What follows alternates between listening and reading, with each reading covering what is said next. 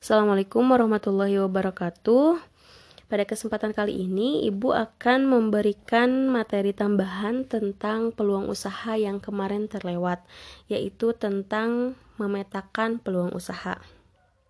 Mohon didengarkan karena ini sedikit sebetulnya ya. Nah, memetakan peluang usaha. Terkadang kita susah untuk memutuskan berwirausaha. Nah, kita bingung untuk memulainya. Langkah termudah adalah memulai dari hal yang kita minati. Ketahui apakah minat yang kalian miliki itu hanya sekedar hobi atau bisa dikembangkan menjadi sebuah bisnis.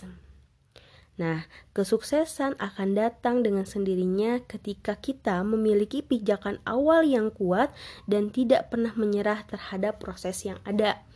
Jadi penting sekali untuk menentukan langkah pertama. Contohnya, jika kalian senang memasak, pikirkan apakah minat kalian itu hanya sekedar hobi atau keinginan untuk memasak enak untuk disajikan kepada orang lain. Nah, ketika hanya sekedar hobi, berarti kalian bisa membuka bisnis misal resto dengan mempekerjakan koki sebagai chefnya ya. Namun ketika kalian senang dan ahli memasak, berarti kalian bisa membuat resto, membuka resto dengan kalian sebagai kokinya, sebagai chefnya. Nah, ini penting sekali untuk kita ketahui di awal untuk melakukan uh, pijakan pertama.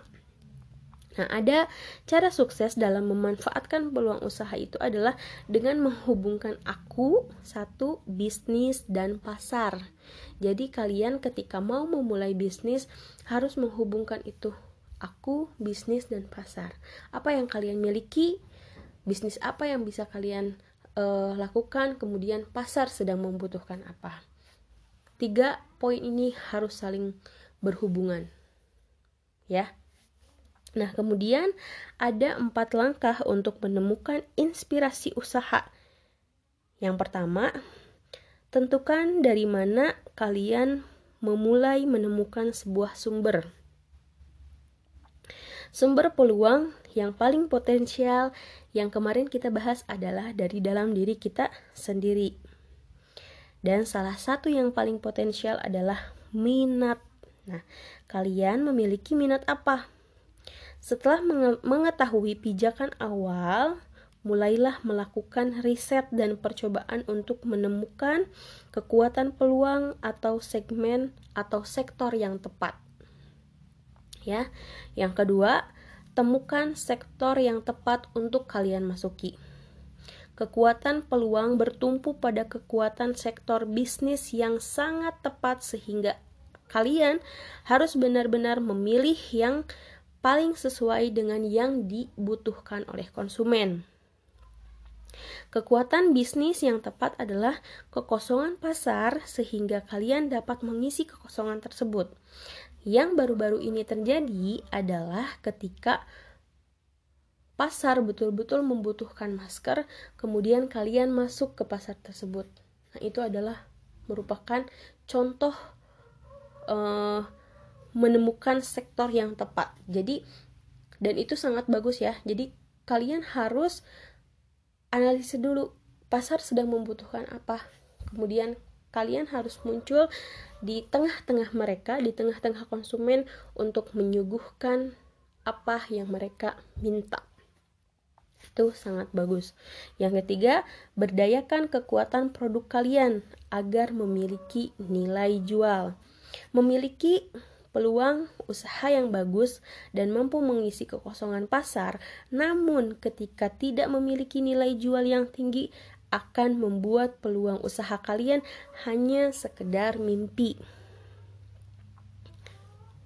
Karena produk tidak akan laku di pasaran ketika tidak memiliki nilai jual dan tidak diminati oleh pasar. Dan tahapan ini adalah tahapan yang sangat penting. Yang keempat yang terakhir adalah evaluasi. Evaluasi dan berdayakan peluang yang kalian miliki menjadi potensi bisnis. Langkah terakhir ini adalah dengan memanfaatkan peluang usaha dengan mengevaluasi dan menganalisis faktor keberhasilan dan faktor kegagalan peluang usaha kalian.